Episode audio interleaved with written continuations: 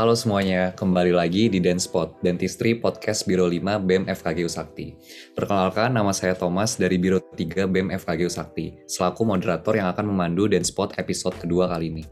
Jadi tema Denspot episode kedua kali ini adalah Student and Organization Life. Makanya narasumber kita kali ini pastinya bukan mahasiswa kupu-kupu, tapi merupakan mahasiswa FKG Usakti yang aktif berorganisasi dan juga menjadi mahasiswa yang berprestasi. Nah, ada yang ada yang jadi lulusan terbaik dan menang event internasional juga loh. Nah, pastinya semua mau tahu kan siapa mereka dan gimana cara mereka balance their student and organization life. Nah, kalau gitu langsung aja kita sapa. Halo Kak Tasya dan Kaulin. Halo, Thomas, Olin. Halo Kak Tasya, Thomas. Nah, Halo juga Kak, kabarnya gimana nih Kak? Boleh dong untuk perkenalkan diri dan cerita sedikit uh, ke kita gimana masa-masa perkuliahannya di masa pandemi ini, dimulai dari Kak Tasya dulu mungkin. Kalau aku kenalin dulu ya, nama aku Luis Anastasia, bisa dipanggil Tasya aja. Untuk saat ini kesibukan aku, aku jadi mahasiswa koas di FKG Usakti pastinya. Dan bisa dibilang aku angkatan koas pandemi pertama. Jadi waktu pertama kali pandemi di tahun 2020 aku baru masuk koas. Dan akhir-akhir ini udah sebulan kali ya aku baru bisa jadi setelah setahun koas online akhirnya bisa kembali lagi ke kampus dengan suasana new normal. Dan untuk saat ini aku juga masih join organisasi, aku masih aktif di APDSA sebagai country representative. Sekian dari aku. Oke, terima kasih Kak Tasya. Nah, bisa lanjut kalau Kak Olin gimana Kak? Oke, halo semuanya. Perkenalkan, nama aku Caroline Septiani, biasa dipanggil Olin. Aku juga mahasiswa koas di FKG Usakti. Kalau tadi Kak Tasya mungkin angkatan pertama yang online, berarti aku angkatan kedua mahasiswa koas online. Kesibukan saat ini aku masih full online sih koasnya. Sekarang lagi di stase pedo. Jadi ya sebenarnya gini-gini aja sih. Kalau lagi sibuk ya sibuk banget ngerjain tugas sampai begadang. Tapi kalau lagi santai ya santai banget sampai bingung mau ngapain. Oke. Nah, semoga harapan kita semua itu uh, benar-benar kita bisa cepat masuk supaya koasnya juga bisa offline ya, Kak ya. Jadi bisa cepat lulus juga dari dokter gigi. Amin. Harapan kita semua. Oke langsung aja kalau gitu uh, kita mulai ke pertanyaan pertama ya kak. Jadi sebelumnya aku mau nanya dulu nih ke Kak Olin terlebih dahulu. Uh, kakak ikut organisasi mahasiswa apa aja sih kak? Dan apa alasan serta motivasi kakak untuk ikut organisasi tersebut? Padahal kan kuliah kita udah sibuk banget nih kak. Oke, jadi pertanyaan pertama aku ikut organisasi apa?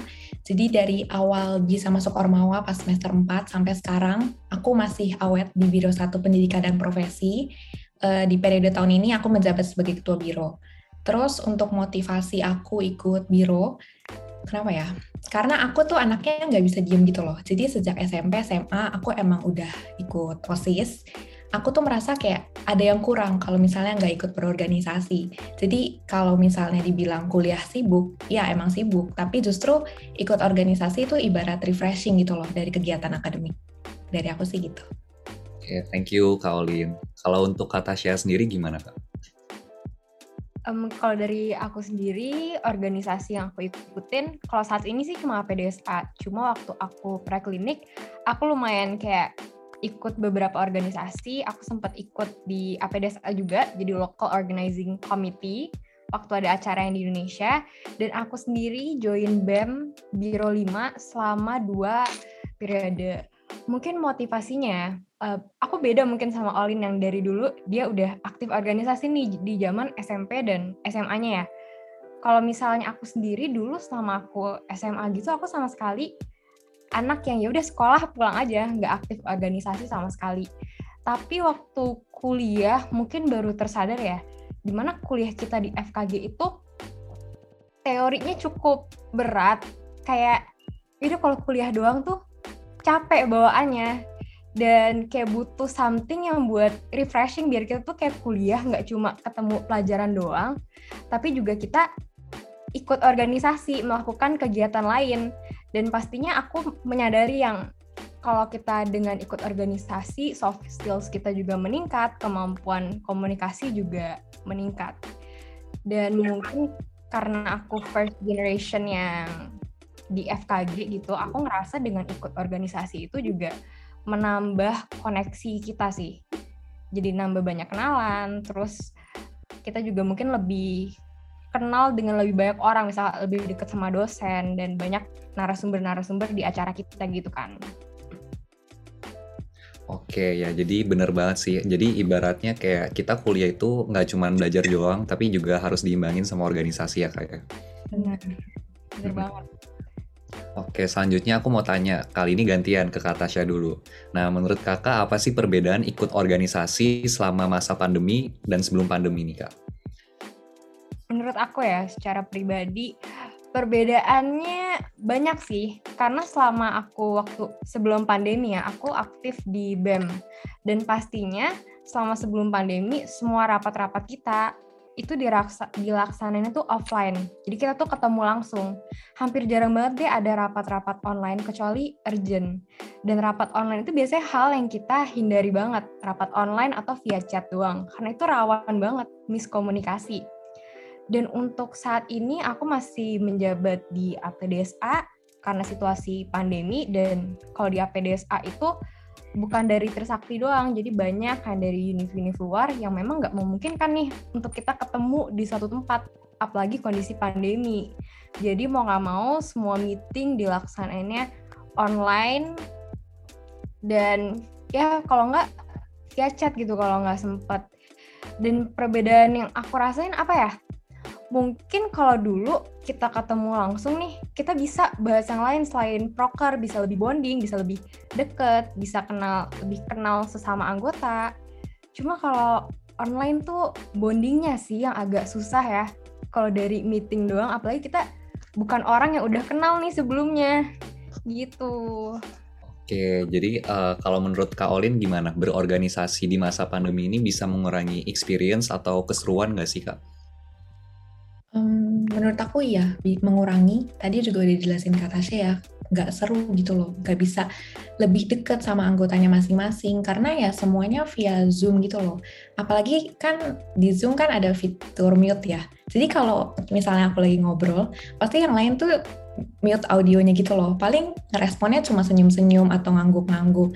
Jadi jatuhnya tuh krik-krik banget gitu. Jadi dari akunya yang harus emang bawel dan SKSD gitu supaya bisa akrab sama anggota-anggotanya. Kalau dari segi acaranya juga um, kurang seru ya dibandingkan dengan offline. Karena kan kalau offline itu lebih capek, lebih hektik. Kemudian juga yang harus dipersiapin lebih banyak. Misalnya kalau di biro satu tuh aku inget banget dulu sampai minjem kabel colokan lah, terus minjem alat-alat skills lab buat broker Forte dan Densmart. Um, karena jauh lebih capek dan lebih hektik, kita tuh lebih puas gitu loh kalau misalnya acaranya berhasil. Tapi ya balik lagi, walaupun situasinya online gini ya harus tetap bersyukur aja sih masih bisa dapat kesempatan untuk ikut Ormawa gitu loh. Ya Kak, bener banget. Jadi kalau Kak Olin dan Kak Tasya ini angkatan pertama dan kedua yang koas offline, uh, online maksudnya selama pandemi, aku ini angkatan pertama yang benar-benar organisasinya secara full online. Jadi belum benar-benar belum pernah merasakan rasanya organisasi secara offline gitu. Semoga nah. kamu nanti ngerasain sih offline pasti lebih jauh lebih seru. Soalnya kadang ini juga sih kalau misalnya kita online ya, misal lagi nanya pendapat gitu, lebih banyak yang kayak mute semua terus jadi krik. Bener, bener kak. Kalau misalnya online pasti ya nyelutuk-nyelutuk dikit ada aja gitu. Iya, ya, betul. Ya kan? Makanya jatuhnya jadi krik-krik banget sih. Kita nungguin mereka ngerespon gitu loh kadang mau SKSD juga takut nggak enak apalagi kalau baru kenal ya bener bener banget kak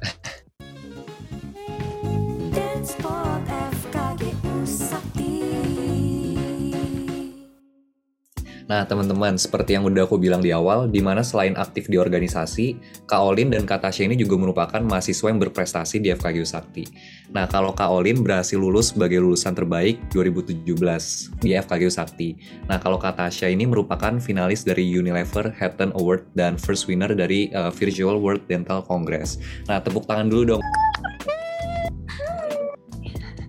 Keren banget, bener-bener. Nah, boleh tahu nggak Kak tips-tips belajarnya dan cara membagi waktu antara kegiatan akademik dan organisasi supaya keduanya bisa seimbang? Mungkin kali ini bisa dari Kak Olin dulu untuk menjawab. Oke, tips belajar ya. Kalau dari aku pribadi, aku tuh tipikal orang yang suka nyicil. Jadi kalau tips dari aku, kalau mau ujian jangan SKS. Terus juga kalau misalnya ada tugas jangan ngerjainnya mepet-mepet deadline sih. Soalnya tuh aku merasa kalau misalnya udah nyicil, uh, kalau misalnya di tengah-tengah nanti ada rapat dadakan atau misalnya ada job desk yang harus dikerjain hari itu juga, aku tuh ngerasa aku lebih tenang gitu loh. Dalam hati aku mikir kayak, oh kemarin aku udah belajar atau enggak oh kemarin aku udah nyidil dikit tugasnya jadi oke okay lah masih bisa santai dikit gitu loh. Terus juga satu hal yang menurut aku penting ya berdasarkan pengalaman pribadi kalau misalnya lagi kuliah tuh kalian harus fokus gitu loh. Apalagi lagi uh, apa namanya kuliah online kayak gini kalian sendiri di kamar terus juga apalagi kamarnya ber AC terus kalau misalnya kuliah jam satu siang abis makan pasti tuh ngantuk banget kan tapi diusahain kalian tetap fokus gitu loh kenapa karena lebih mending kalian dengerin kuliah sekarang ketimbang kalian harus dengerin voice note rekaman kuliah nanti gitu loh. Kalau sekarang kan bisa record kan dari laptop kuliah dari dosen gitu loh. Menurut aku itu buang-buang waktu dan jatuhnya kalian tuh jadi kuliah dua kali gitu loh. Jadi ya lebih baik dengerin dari jam 8 sampai jam 3 sore, terus nanti sorenya tuh kalian bisa ngerjain hal-hal yang lain. Kalau menurut aku sih gitu. Oke, okay, thank you buat Kaolin. Ini benar-benar menginspirasi juga buat aku juga sih, yang masih preklinik. Nah, kalau kata yeah gimana kak? Uh, sekarang kan berorganisasi sambil koas ya kak. Uh, mau tahu dong kak gimana time managementnya kak untuk sambil organisasi sambil ngelakuin hal-hal yang lagi koas juga ya mungkin udah masuk juga kan sekarang kadang koasnya. Kalau dari aku ya sebenarnya dari dulu time management aku tuh sama. Aku tuh mungkin beda ya sama Olin tipe yang nyicil. Aku tuh males banget orangnya. Aku tuh nggak nyicil. Aku anaknya SKS banget tapi menurut aku kalau buat cara belajar dulu ya mungkin. Kalian tuh harus tahu nih tipe belajar kalian tuh apa? Visual eh, dengan melihat atau kalian itu auditory dengerin atau kinestetik. Aku sendiri karena aku tipe yang auditory jadi aku jarang banget skip kelas. Jadi kalau di kelas itu aku bener-bener hadir dengerin dan nyatet. Jadi biarpun aku belajarnya mepet, aku tuh tinggal remind lagi gitu loh. Aku nggak perlu baca ulang dari awal. Itu tips dari aku pertama, kenalin dulu tipe belajar kalian itu apa. Terus yang kedua, time management aku adalah aku dari dulu selalu siap sedia agenda. Mungkin dulu kalau buat teman-teman aku yang di biro tahu aku punya buku agenda gitu. Cuma kalau sekarang mungkin biar lebih gampang aku pakai Google Calendar. Jadi gampang tinggal di input-input aja gitu bisa dilihat dari HP, dari laptop, gimana aja bisa. Dan tips dari aku kalian harus catat jadwal kalian itu sedetail mungkin. Misalnya rapat dari jam berapa sampai jam berapa, dicatat semuanya. Terus misalnya nih kalian mau jadwalin belajar, jangan cuma dicatat kayak oh hari Rabu gue mau belajar soal Jumat ujian. Dicatat juga tuh jamnya ditargetin dari jam berapa sampai jam berapa. Soalnya namanya otak manusia tuh kan males ya. Jadi kalau misalnya kamu cuma nyatet, oh hari ini belajar, kayak jadi males-malesan gitu. Jadi kalau misalnya kamu udah targetin belajar itu dua jam, benar-benar tutup HP, jangan jangan ada distraksi, full belajar fokus. Uh, gitu sih, sama biar aku punya kayak work life balance kali ya nggak isinya belajar terus organisasi terus. Sebisa mungkin aku padetin jadwal belajar aku jadwal rapat semuanya itu di weekdays. Jadi di weekend aku benar-benar kayak jalan-jalan kayak mau nonton mau ngapain semuanya di weekend. Kecuali kita ujian hari Senin gak mungkin hari Minggunya aku nonton Netflixan gitu. Gitu sih Oke, berarti emang kesimpulannya dari Kaolin dan Katasha ini uh, sama satu ya. Kalau misalkan emang udah urusan belajar, itu harus fokus. Gitu. Iya, benar. Nah, jadi uh, selanjutnya nih ada pertanyaan lagi untuk Kak Olin. Jadi Kak Una di Biro 1 itu walaupun prokernya cuma dua ya Kak ya, uh, dan yeah. Smart Forte, tapi kan proker itu juga salah satu, uh, dua-duanya bahkan itu proker yang besar di BEM FKG Usakti Kak. Nah, jadi berdasarkan pengalaman Kakak, modul apa atau semester apa yang susah banget untuk bagi waktunya? Di saat uh, acara proker dari Biro satu ini lagi berjalan? Oke, okay. yang paling menantang menurut aku pas semester 7. Jadi uh, tahun kemarin ya, tahun kemarin itu kebetulan di Biro satu aku menjabat sebagai ketua acara Dance Smart. Terus um, itu kan bulan November ya kurang lebih. Terus itu lagi berjalan semester 7. Plus aku ada penelitian skripsi. Jadi aku harus ke kampus uh, ke Mycore dari pagi sampai sore. Waktu aku penelitian di Mycore kan kuliah masih berjalan ya via Zoom. Jadi otomatis aku harus ninggalin kuliah karena ya emang aku harus penelitian gitu loh. Nah itu agak susah sih bagi waktunya dan aku agak labakan karena udah penelitian sampai aku kan pulang pergi ya. Aku pulang pergi dari Kelapa Gading ke kampus Jakarta Barat. Uh, pulang pergi penelitian terus aku harus pulang sore-sore mandi gitu langsung makan bersih-bersih harus dengerin record kuliah lagi. Aku minta tolong temen aku buat nge-record gitu supaya aku bisa dengar. Karena aku tipikalnya tuh harus yang dengerin langsung gitu loh, nggak bisa cuma minta catatan temen tuh kayak kurang afdol. Jadi aku harus dengerin langsung. Terus belum lagi kalau misalnya ada rapat buat persiapan dengan smart. Itu wah capeknya sih capek banget sih. Jadi yang paling berat di semester 7 aku waktu itu. Wah hebat banget berarti Kaolin pas semester 7 itu kuliah dengan berbagai macam praktikum yang ada di semester 7, skripsian, plus ngurus proker buat Biro 1 yaitu Densmart ya kak. Nah gimana tuh kak cara kakak mengatasi dan menjalani semua kesibukan itu? Dan gimana caranya kakak bangkit saat feeling down karena mungkin hektik banget di semester 7? Uh, eh, mungkin dari Kaolin dulu ya. Oke, jadi tuh dulu aku down banget karena aku tuh penelitiannya sempat gagal dan aku ngulang dua kali. Aku tuh sampai cerita ke mamaku, teleponan sama teman aku juga udah sampai berkaca-kaca, kayak udah capek banget gitu loh, karena harus dengerin kuliah juga kan pas malam. Kayak ibaratnya tuh waktu 24 jam tuh kayak gak cukup lah buat ngurusin penelitian, kuliah, sama ngebiro. Cara aku bangkitnya tuh pasti aku ngeyakinin diri aku sendiri sih. Aku udah sampai di titik ini, aku udah di semester 7, udah tinggal dikit lagi lulus S1 jangan sampai kerja keras aku dari semester 1 sampai semester 6 tuh sia-sia lah ibaratnya. Terus juga waktu itu aku jadi ketua Densmart kan. Aku juga mikir kayak jangan sampai aku lepas tangan nih sama Densmart. Jangan sampai nanti ada kesalahan-kesalahan kecil di acara tersebut yang nantinya bakal aku seselin gitu loh di kemudian hari. Jadi aku tetap berusaha sebaik mungkin aku kuatin diri aku dan juga pastinya aku doa supaya lebih dikasih kekuatan, dikasih kesabaran yang lebih buat menghadapi ini gitu loh. Jadi jangan sampai hambatan kecil ini bikin aku melo berkepanjangan dan ujung-ujungnya jadinya jadi nyesel sendiri gitu loh kayak sia-sia gitu uh, perjuangan aku. Terus juga dukungan keluarga dan teman penting banget sih. Menurut aku tuh benar-benar membantu. Walaupun cuma dikasih kata-kata penyemangat kayak semangat ya pasti bisa kok ngejalanin ini gitu. Tapi kata-kata tersebut tuh pas di titik itu benar-benar membuat aku bangkit lagi gitu loh. Jadi benar-benar jadi penyemangat aku walaupun mereka nggak di posisi kita ya mereka nggak tahu gimana capeknya aku gimana pusingnya aku harus ngelakuin penelitian tapi kehadiran mereka tuh benar-benar membantu banget sih dari aku gitu Oke, berarti self affirmation dan punya teman-teman dan keluarga yang suportif itu penting banget ya kak sebagai boosting yeah. semangat kita di saat kita lagi down. Bener. Nah, kalau Kak Tasya sendiri gimana Kak? Kapan sih titik terberat yang Kakak alamin selama kuliah FKG dan gimana caranya Kakak bangkit lagi saat ngedown atau lagi stres banget? Sebenarnya bisa aku bilang kalau kita kuliah di FKG sendiri pasti akan banyak titik downnya. Tapi ya untuk aku sendiri titik terberat aku ini mungkin mirip sama Olin. Jadi waktu semester 7 di mana kita lagi sibuk-sibuknya penelitian skripsi at the same time aku juga menjabat sebagai ketua pelaksana visit dentistry.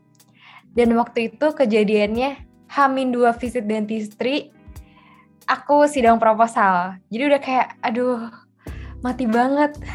Gimana nih? Terus waktu ngejalanin penelitian juga, aku sama aku penelitiannya ngambil penelitian lab, di mana penelitian lab itu jarang banget yang kamu satu kali penelitian tuh, wah hasil udah bagus.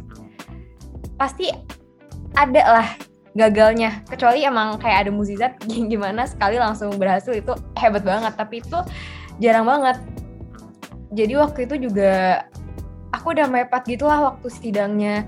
Udah mepet tapi harus tetap tetap harus lulus tapi juga lagi megang jabatan. Intinya menurut aku saat kita diamanahkan untuk memiliki jabatan dalam satu organisasi kita tuh nggak boleh ninggalin itu.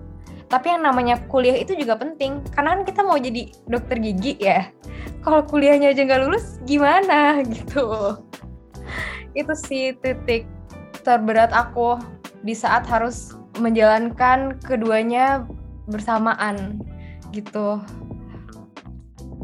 Nah, kalau untuk caranya kakak bangkit lagi gitu kak, di saat lagi titik terberatnya itu, itu gimana tuh? Cara aku bangkit lagi, mungkin bisa dibilang ya untuk teman-teman, untuk adik-adik semua, kuliah kita itu di FKG itu cukup berat karena uh, prosesnya itu panjang dan tidak mudah. Jadi pasti banyak banget nih titik-titik down kita. Dan jujur aja titik down aku tuh bukan cuma saat skripsi. Saat aku kelas pun ada perasaan di mana iya ampun capek banget ya hidup ini. Tapi yang membuat aku bisa bangkit terus ingat lagi itu terus semangat lagi itu adalah aku ingat nih tujuan awal aku kenapa aku mau masuk kuliah FKG itu apa. Aku selalu ingat tujuan aku untuk tujuan aku masuk FKG adalah agar aku bisa jadi dokter gigi dan bisa membantu orang. Di mana prosesnya itu nggak mudah dan aku yakin di setiap jurusan jurusan mana pun pasti akan selalu ada titik beratnya selalu ada titik susahnya jurusan apa pun mau yang kalian bilang mudah pasti tetap ada titik beratnya dan menurut aku kita itu harus selalu ingat kenapa kita itu memulai. Dan mungkin sama yang kayak Olin bilang, penting banget loh buat kita menemukan circle pertemanan yang baik. Jadi teman-teman yang suportif. Karena dengan ada teman-teman yang suportif, semangat-semangat kecil itu, kata-kata yang mungkin gak seberapa, cuma kata-kata motivasi itu akan jadi berarti banget di saat-saat kita membutuhkan di saat-saat titik terberat kita. Benar. Setuju ya. kak. Setuju juga kak.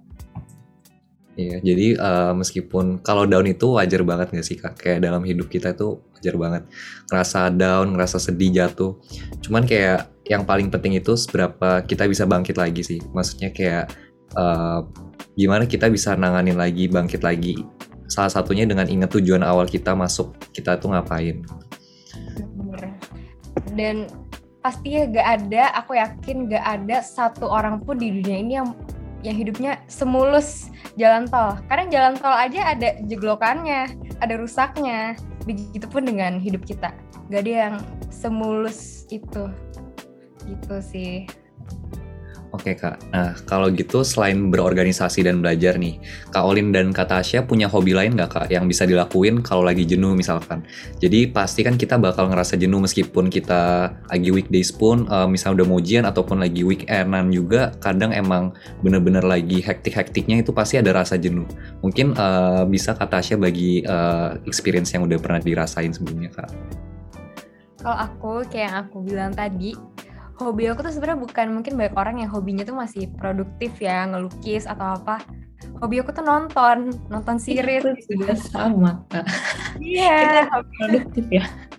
Eh, bukan yang produktif aku tuh hobi aku nonton. Cuma ya bener sih karena kita ngampus full belajar nggak mungkin nih kalau aku mau ujian aku nonton. Bisa melayang semua gitu kan materi ujian. Jadi biasanya aku spend waktu buat hobi aku paling weekend sih. Jadi di saat aku lagi nggak sibuk nih biar nggak stres kuliah mulu weekdaysnya belajar Senin sampai Jumat atau organisasi apa pun itu weekdaysnya kita harus nyantai harus nonton aja. Terus maskeran kayak skincarean apa pun itu jalan-jalan jangan belajar terus lah nanti stres gitu. Jadi harus diimbangin juga ya kak, biar hmm. kalau emang bener-bener jenuh juga lama-lama belajarnya juga nggak efektif juga kan ya kak. Bener-bener, bisa jadi malah nggak masuk otak. Pernah gak sih kalian ngerasa tuh kayak udah belajar nih, udah jenuh terus kayak, iya ya ampun kok gue ngafalin dari tadi udah 7 jam belajar nggak masuk semua kayak iya, gitu. Ya, benar. Mendingan refreshing dulu ya kak ya, baru ah. nanti langsung belajar lagi. Benar-benar. Itu udah clue banget kalian tuh butuh refreshing, udahan dulu belajarnya. Gitu deh. Setuju, setuju. Kalau dari Kak Olin gimana kak? Uh, kalau misalkan lagi jenuh gitu, apa yang biasa Kak Olin lakuin? Mungkin hobi-hobinya atau gimana kak? Aku kalau lagi jenuh sama sih, aku juga sukanya nonton. Terutama aku lebih suka nonton drakor ya Jadi itu salah satu hiburan aku sih kalau lagi jenuh. Terus terutama waktu aku lagi down pas semester 7 yang aku ceritain tadi, itu aku banyak-banyak pesan makanan sih via online, terus beli es krim lah, ibaratnya biar good mood gitu loh. Jangan dipaksain untuk belajar atau ngerjain tugas gitu loh. Karena jatuhnya ya udah jadi muter-muter aja, gak selesai gitu loh apa-apa. Bener banget. Nah, jadi tadi kan uh, dari tadi kita udah bahas nih ya Kak, cara menyimbangkan gimana uh, sambil belajar, sambil berorganisasi dan gimana supayanya uh, kita mengatasi kalau kita lagi jenuh gimana. Nah, sekarang aku mau tanya gimana sih cara Kakak meluangkan waktu untuk melakukan hobi yang Kakak punya dan yang membagi waktu sambil belajar dan berorganisasi, tapi juga bisa membagi waktu untuk keluarga dan pergi-pergi hangout sama teman-teman. Mungkin Kak Tasya bisa menjawab terlebih dahulu, Kak. Itu sesuai yang aku jelasin tadi ya. Mungkin uh, posisinya sekarang karena aku di APDSA, aku jadi country representatifnya. Jadi kalau ada waktu rapat juga aku yang nentuin. Sebisa mungkin aku nentuin rapat itu di weekdays dari Senin sampai Jumat aja. Mau jam berapapun, mau sampai malam itu nggak apa-apa. Atau kalau belajar pun semuanya belajar ngerjain tugas, semuanya aku spend di weekdays benar-benar aku fullin di weekdays. Jadi di weekend itu benar-benar aku bisa spend waktu untuk keluarga, untuk jalan-jalan ataupun ya untuk luangin hobi aku itu. Gitu. Oke, kalau dari Kaolin sendiri gimana?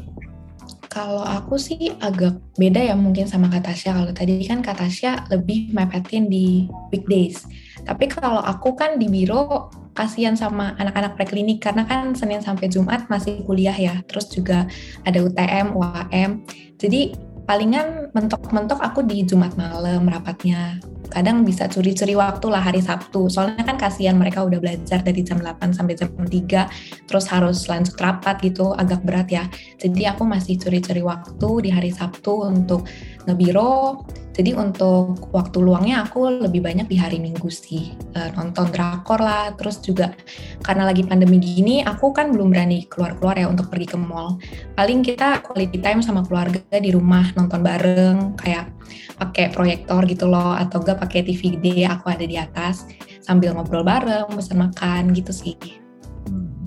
jadi intinya juga balik lagi kita juga yang harus nyari-nyari sendiri ya kak gimana yeah. cara kita bisa uh, ngatur hidup kita sendiri kayak time management yang kita enaknya gimana sesuaiin diri sendiri gitu nah Gak kerasa banget nih teman-teman, kita udah sampai di penghujung acara dari Dance Spot episode kedua kali ini bersama Kaolin dan Katasha. Nah, sebagai closing statement, boleh dong Kak sharing kata-kata penyemangat untuk uh, semua pendengar yang lagi dengerin Dance Spot ini.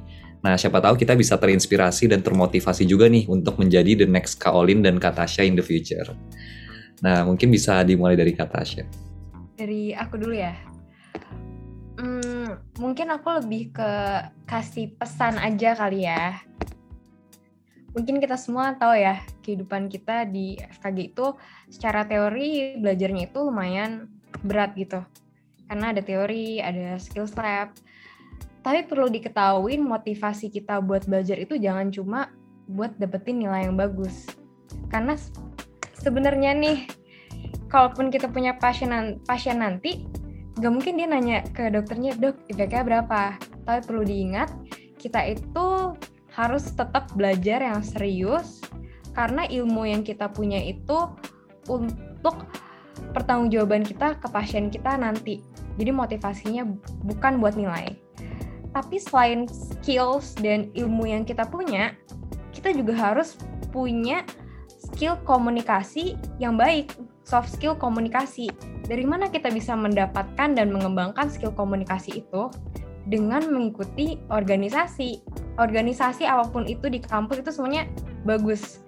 Dan secara tidak langsung aku sadari, skill komunikasi yang aku punya sekarang ini aku dapatkan dari aku mengikuti organisasi di masa preklinik aku. Gitu. Jadi buat teman-teman semua, buat adik-adik, aku saranin kalian untuk join organisasi di kampus apa pun itu.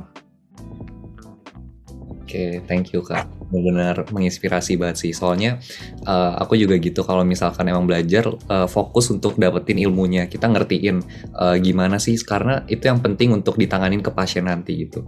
Mungkin kalau untuk Kaolin gimana kak? Hmm, kalau dari aku sih ya kurang lebih sama ya. Tapi kalau misalnya kuliah online gini pasti kalian jenuh, pasti ada titik jenuhnya. Karena biasanya pas offline bisa ketemu sama teman-teman, bisa hahaha. Sekarang kalian harus kuliah sendiri di rumah. Itu pasti uh, jenuh dan ngebosenin banget. Tapi ya balik lagi, kalian harus cari apa sih yang bisa bikin kalian semangat lagi dan bisa bikin kalian tuh um, mau untuk belajar gitu loh, gak cuma males-malesan di rumah. Ya kalau aku tadi hiburannya nonton drakor gitu loh, paling satu dua episode. Jangan kebablasan ya sampai episode akhir, nanti kuliahnya malah ditinggal gitu loh. Terus juga sama cobalah untuk berorganisasi sekarang. Ini tuh benar-benar saat yang tepat untuk kalian mencoba sebelum nanti kalian masuk ke dunia kerja. Hmm, skill komunikasi itu penting banget sih, terutama kita nanti sebagai dokter gigi kan nggak cuma uh, teorinya doang ya, kita ngejelasin sama dok uh, sama pasiennya pakai bahasa-bahasa kedokteran kan enggak. Kita harus bisa pakai bahasa awam yang dimengerti oleh pasien. Gimana cara kita berkomunikasi yang baik dengan pasien nantinya ini menurut aku juga bisa didapat dari dengan berorganisasi sih gitu dari aku. Oke, okay, thank you banget uh, Kak Tasya, Kaulin untuk sharing-sharingnya uh, sampai ke benar-benar uh, motivasi yang di akhir itu benar-benar bahkan bisa menginspirasi kita semua yang lagi dengerin di dan spot ini sekarang. Nah sebelum podcast ini berakhir, kayaknya kurang afdol kalau kita belum pantun. Kak Olin, Kak Tasya beli pot. Cakep, Thomas pulang dari Kenya. Artinya? Jangan lupa dengerin Dance Spot dan tungguin ya episode selanjutnya. Terima kasih sudah mendengarkan. Sampai jumpa di Dance Spot episode ketiga. Dadah semuanya. Bye-bye.